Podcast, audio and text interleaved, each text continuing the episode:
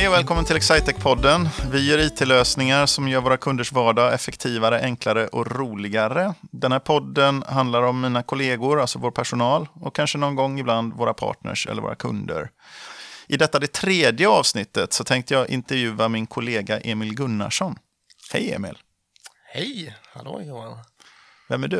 Eh, vem är jag? Ja, eh, jag är en eh, smålänning som har hamnat här uppe i Östergötland där vi sitter just nu då på Ändå, ändå lite snygg eh, Östergötlands ö där tyckte jag. ja, det, det, det, tack. Det är faktiskt inte så många som har, har, eh, har flikat in på min östgötska än. Jag har väl jobbat aktivt för att inte falla in i den då. Och det känns bra att jag inte allt för mycket, men ja, ja, jag håller mig på gränsen. Ja. Var någonstans i Småland är det som eh, En liten eh, militärstad, Eksjö. Eksjö, ja. Mm. Vacker trästad, va? Verkligen. Det, den, är, den är, blommar upp väldigt fint på sommaren, men likt många småstäder så vill man fly den på vintertid. ja, not so much so. Okej, okay, förlåt, jag känner att jag avbröt lite. Ja, nej, men det, det, det är egentligen mitt ursprung och idrottsuppväxt, och på mycket med idrottsaktiviteter, inte minst orientering. Um, och efter en gymnasietid på hemmaplan så hamnade jag ute i, lite i reseledarsvängen och, okay. och turism. Jaha, vad gjorde du då? då? Um, ja, jag, dels så säsongade jag upp i fjällen, något som många ungdomar gör och sen så efter det så hamnade jag som reseledare på ett par destinationer utomlands. En uh, erfarenhet som jag kan rekommendera många som är i ja, den åldern när man kanske precis ska gå ut gymnasiet och hitta på något. Okej, okay, det, här, det här är något, du ser, jag lär mig någonting direkt här. Ja. Var, var, det någonstans, eh, var var det någonstans när du, ja, utomlands, både i fjällen och utomlands? Vilken? Ja, eh, fjällmässigt sett så höll jag till uppe i, i Sälen, i Lindvallen ju, ja, skistaranläggning och sen så eh, utomlands då så var i Turkiet, Egypten och på Azorerna, en kanonfin ögrupp för övrigt som eh, verkligen kan eh, tipsa om som resmål. Jag, jag, liksom, vad gör, hur, hur hamnade du här då sen? Det är inget... Nej, det är ingen spikrak linje från Azorerna till eh, Excitec i Linköping. Nej, verkligen inte. Eh, nej, men efter några år så här som reseledare, eller några år, ett drygt år ska sägas, eh, så kände jag nog att jag, jag, det, här, det, det var inte ett liv jag kunde ha hela livet så att säga. Eh, och, och, och, jag var även lockad av att börja studera, så jag sökte mig eh, tillbaka till Sverige och hamnade i Linköping och började studera på universitetet. Ja. Uh, och Vad pluggade du för någonting? Ja, jag läste civilingenjör i industriell ekonomi. Ja. Hade svåra beslutsproblem mellan teknik och ekonomi som var två intressen då. Uh, och, och likt många andra så hamnade jag just på den linjen då. Just det. Hur, hur hamnade du här då? Ja, det var väl egentligen... På... Här är alltså hos Excite. Ja. Vi sitter på Excitex kontor här i Linköping och pratar. Just det, bra att tillägga. Mm. Uh, ja, i slutet av utbildningen någonstans där, jag tror det var fjärde året, så, så var en kollega till oss, Rasmus, och föreläste faktiskt på uh, på universitetet och det var min första kontakt med, ja, med, med ja. företaget. Innan dess kände jag inte ens till det. Rasmus Toivonen. Ja, just det värt att tillägga. Jajamän. Um, och efter det så började jag ju, uh, se just uh, Excitec lite mer runt omkring mig, inte minst på arbetsmarknadsmässorna på universitetet och, och började prata mer uh, med kollegor då här på företaget och, och fick även höra talas om det traineeprogram som, som bedrevs. Och ja, då var jag i slutet av studierna så man började tänka mer och mer på vad man skulle ta vägen efter, efter utbildningen. Och, um, sökte mig till några studentkvällar här i, som var, ägde rum då i Linköping och, och trivdes bra med kollegorna. Du, du verkar ju nästan vara en sån här mönster, eh, liksom en, en mönsteranställning så här. Det är ju så man får kontakt ganska tidigt, söka sig till, få lite information och gå på lite studentkvällar och så där. Det var ju oerhört vackert. Hur fortsatte det då? Ja, nej men det var, eh, det, det, var, det, det var ju liksom, jag fick en ganska tidig, exakt var ett av företagen jag fick en relativt tidig kontakt med under studietiden. Yeah. Eh, sedan framåt slutet, då, då, då var det ett eh, ivrigt farande på eh, studentkvällar och intervjuer på många olika företag, både i Stockholm och här i Linköping. Och, och, och eh, ja, det var ju många olika beslut man stod inför, men, men någonstans så, så, så, så hade jag liksom Excitec i bakhuvudet sedan eh, tidigare studentkvällarna och kände att jag trivdes väldigt bra med alla de människor jag hade mött här och, och det var nog ett av avgörande besluten när jag sen då fick ett erbjudande om en anställning och, och, och att ta ställning till efter en intervjuprocess. Då. Mm. Vad hände sen då när du valde att, att börja jobba här? Då? Ja, då, ehm, då börjar började vi diskutera lite så här, eller ja, vi började diskutera den under anställningsprocessen lite vad, vilka affärsområden och så man kan vara intresserad av och eh, jag har en logistikbakgrund från universitetet och, och eh, kände att det var en bra plattform, ett, ett område som jag redan hade en, en viss trygghet i eh, och, och eh, eh, lockades väl av den omväxling som finns inom eh, affärsområdet affärssystem ehm, och, och, så det var ett, lite av ett gemensamt beslut att eh, det var där jag skulle börja min eh, yrkesbana. Mm. I, I de första två avsnitten, som vi, det här är det tredje avsnittet om vi håller den ordningen som jag eh, planerade. De första två hade faktiskt varit sådana som jobbat med beslutsstöd. Eh, och då tipsade jag dem att de skulle säga, om de var på, om de var på en fest och någon frågade vad de jobbar med, så skulle de säga att de jobbar med data. Eh, för det är ju faktiskt det de gör, medan ofta så är det något man, man säger när man inte vill att en konversation ska ska fortsätta, höll jag på att säga. Men de, de jobbar ju faktiskt med data. Men vad säger du om du är på en fest och, eh, och eh, någon frågar vad du jobbar med? Ja, då skulle jag nog nästan mer hamna på att jag, jag jobbar med eh, verksamhetsutveckling, verksamhetsstöd, för jag upplever att jag ofta jobbar väldigt tajt med, med kunderna kring eh, i deras arbetsprocesser, för de ska så allt som oftast jacka samman med de systemstöd som mm, de har. Mm. Så kanske mer det än data, men sedan så, så kommer ju systemen också in eftersom det är ändå det som är hjärtat eller grunden i, i, i det både jag jobbar med och det företagen bedriver sin verksamhet runt omkring. Mm. Gick du, sam, gick du traineeprogrammet tillsammans med Ida? Ja, det stämmer ja, bra. Just det, för Ida är var den första vi intervjuade. Berätta, hur var traineeprogrammet för dig? Eh, traineeprogrammet var en eh, fantastiskt kul period. Eh, vi var ju som ett stort härligt gäng ju på, ja, jag tror vi var 14 i, i min årskull, eh, som eh, reste runt delvis tillsammans och delvis i mindre grupper då, beroende på vilka forum vi var i, både på utbildningar eh, internt och externt och, och sedan så, så hade man ju sina mentorer man hängde med ut emellanåt när det inte var gemensamma aktiviteter och var med ut i kundprojekt. Ehm. Det var, det var en intensiv period, eh, ganska mycket resande mm. eh, och, och, väldigt spännande när man efter att man har suttit i, i universitetsbänken i fem år. Just det. Va, vad gör du på jobbet nu då? Eh, just nu så, så eh, ska jag säga att jag reser nog mindre än vad jag gjorde under traineeprogrammet. Eh, I perioder så, så, så, så, blir det mer, men ja, på en, kanske en dag, en dag i veckan att jag är ute och, och reser. Uh, jag har haft förmånen att jobba med en hel kunder i närområdet uh, under den här uh, terminen eller det här året. Då. Mm. Vi pratade om det lite med någon av kollegorna här tidigare i något avsnitt om att Eh, om att vi gör det lite annorlunda på Exciting. Vi är ju ett konsultföretag, men vår affärsmodell är inte så mycket att ställa ut en massa konsulter som jobbar ute hos eh, kunden eh, liksom på heltid och sådär. Det handlar om att många av våra kunder är medelstora företag, liksom så stora att att ha bra it-stöd är viktigt för dem, men, men inte så stora att de kanske har ekonomin till att ha heltidsanställda eller heltidskonsulter som är, som är där och jobbar. Utan vi försöker ju sy ihop eh, så effektiva kombinationer av specialister som vi kan för att, för att lösa kundens eh, problem. Då man jobbar ofta med flera parallella projekt och då blir det effektivare och, eh, för kunden och för oss. Och att vi gör mycket av eh, arbetet eh, från våra lokaler. Så möter man mer kunder när man levererar och utbildar och kravinsamlar och sådana saker. Då. Så, så det var väl en koppling till mm. det. Inte... Verkligen. Vi, vi har ett stående segment här i det här det tredje avsnittet av Excitec-podden som heter Någon berättar om något ett klatschigt namn där som jag är lite nöjd med.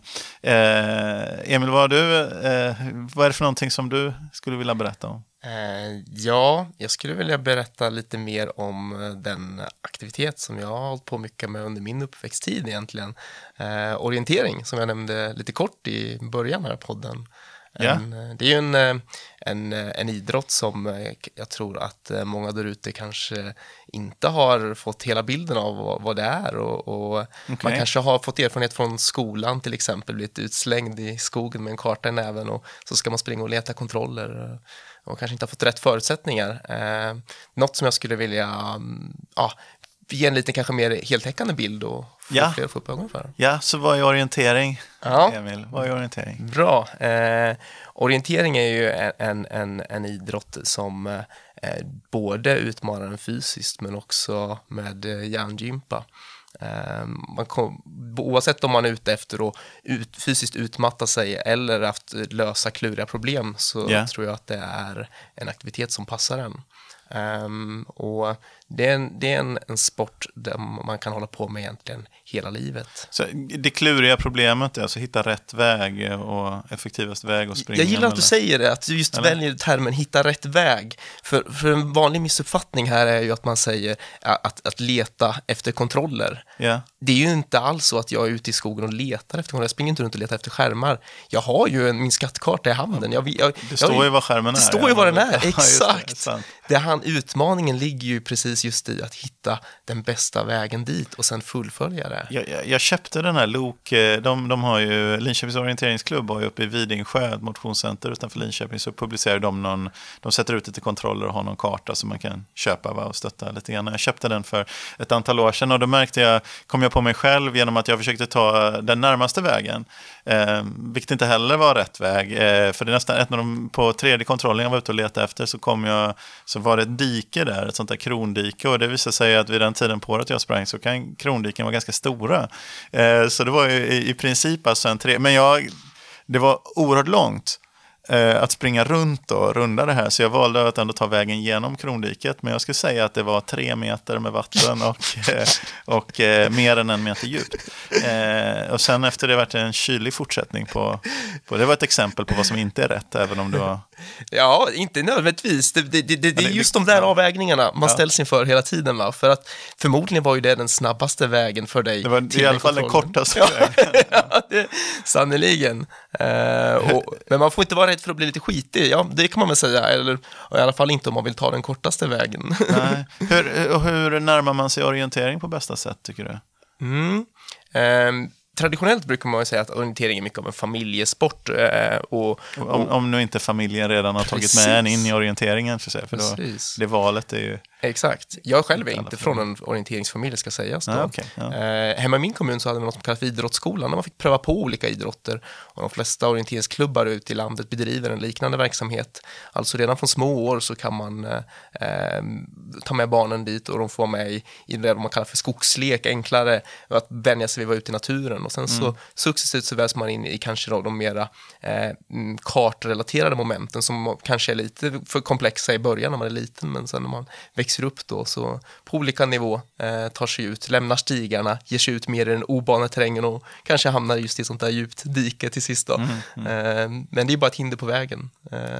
Ja.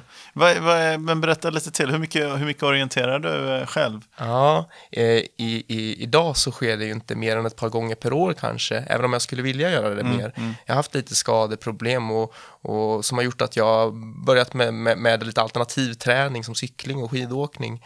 Eh, men så, som eh, yngre så, så var det ju något som tog upp, ja, nästan min, hela min eh, fritid om vi pratar åldern eh, 12 till 18 år. Får jag fråga förresten, finns mountainbike-orientering? Som, Jajamän. Det, borde, det måste ju vara väldigt roligt, va? Ja, både mountainbike och skidorientering Ja. är ju två sporter som är på, på tillväxt och eh, förmodligen de sporterna vi kommer se i OS-programmet innan orienteringen kanske. Tror du det? I alla fall skidorienteringen, det är lättare att komma med där i OS eh, som eh, Ja, just det, vintersporten. vintersport, ja. Ja, så kan det vara. Annars ska jag Ja. kommer tycka också att jag trodde det var mer så här, något cyniskt, att det, jo, men det, för det går åt mer utrustning i dem, till skillnad från orientering. Liksom. Det, är bara så, det är bara så mycket betalt man kan ta för en kompass. Eller vad är en riktigt, riktigt dyr orient, en tävlingskompass? Vad får man ge för den? Mm, Bra fråga. Ehm, Silva har tra- av tradition haft eh, marknaden för, för kompasser och, och en eh, 600-800 skulle jag säga, då, då får du en riktigt bra Ja, kompass. det är ändå, om du jämför med till exempel segling som tävlingssport så kan vi säga, där kan vi säga det, det är inte många tävlingsgrenar där 60-800 000 förslår speciellt långt på materialsidan. Så, så Sannerligen. 600-800 kronor. Eh, jag har sådana icebags-skor med, med dobbar på för att kunna jogga ute när det är is och halt. Är det en lämplig, eh, skulle kommer behöva köpa dedikerade orienteringsskor? Ja, de är ju nästan orienteringsskor. skulle säga Icebug är ett jättebra märke. De, de gör även, och, alltså, de, de, de, används av, av många orienterare också. Eh, så, men, men, det är bra just att kanske undvika en gympasko eftersom att man inte får det greppet som man ofta behöver när man ja. rör sig ut i naturen. Jag tänker med rötter så att man kan trampa ja. en eh, upp i i, fot, eh, i hålfoten också. Det är lite besvärligt. Precis. Ha, är det någonting mer du tänker om i din marknadsföring? Om, först så tänkte jag nämligen, det är kombinationsgrenar. Eh, så tänkte jag på skidskytte är ju ett exempel. Eh, där man liksom åker skidor och sen lite grann beroende på hur man... Men, men det är ju inte så mycket val ändå, utan man åker till det stället som man ska skjuta ifrån. Och sen skjuter man ju där, men sen är det lite grann hur man klarar av att vara lugn och hur man klarar av... Men den, den aspekten finns ju. Mm. Att vara lugn och att utföra en konditions idrott samtidigt. Orientering är ju en kombinationsidrott i, i mitt tycke för att ju, ju, tuffare du, eller ju snabbare du springer, desto fysiskt tröttare kommer du att bli och desto tuffare, tuffare kommer då det andra momentet, det vill säga att tänka igenom ditt vägval, att, att uh, sättas på prov det är en balansgång mellan hur hårt du pressar dig fysiskt och, och eh, vilke, hur mycket energi du vill lämna kvar till, till din hjärnkapacitet att fatta bra beslut och dessutom fullfölja dem. Mm. Jag, jag, börjar faktiskt, jag känner mig väldigt sugen, måste jag säga. Eh, och sen det andra som jag är sugen på det är att se hur vi kan leda det här eh, tillbaks till, eh, eller in till det här ämnet om vad vi gör på på jobbet egentligen. Jag tycker den tanken jag får med mig direkt är den här vägledningen mellan det snabba beslutet och det rätta beslutet.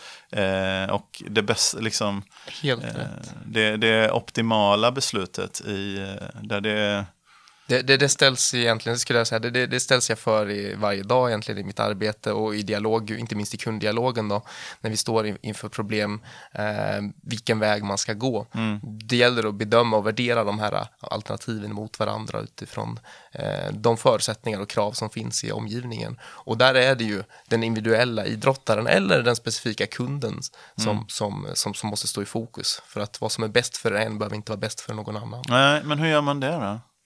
Ehm, det handlar ju om kommunikation eh, i första skede. Man måste ställa frågor. I mitt fall, i min roll, så handlar det mycket om att jag måste sätta mig in i kunden, hur de arbetar idag, hur mm. de vill göra, eh, varför de gör som de gör. Eh, fråga och även ifrågasätta, inte bara köpa det de säger, för ibland så har man kanske inte tänkt till kring allting varför man gör som man gör. Mm. Eh, men ju mer ju bättre bild eller jag kan skapa mig över situationen, desto mer kan jag vara del i vägledning och ge, de bästa rekommendationerna för vägen framåt. Och den snabbaste vägen då till, till kontrollen som kanske i det här fallet är eh, ett nytt system eller en, en viss del i ett system, till exempel att börja jobba med beställningsförslag som jag jobbar med just nu med en kund. Mm. Beställningsförslag, alltså att veta hur mycket och när man ska köpa hem Exakt. material? Eller? Ja. Exakt, det är precis typexempel på, på, på logistikutmaningar i verksamheter där man har någon form av lager. Yeah. Veta hur, hur mycket man ska beställa hem, när ska jag beställa hem det.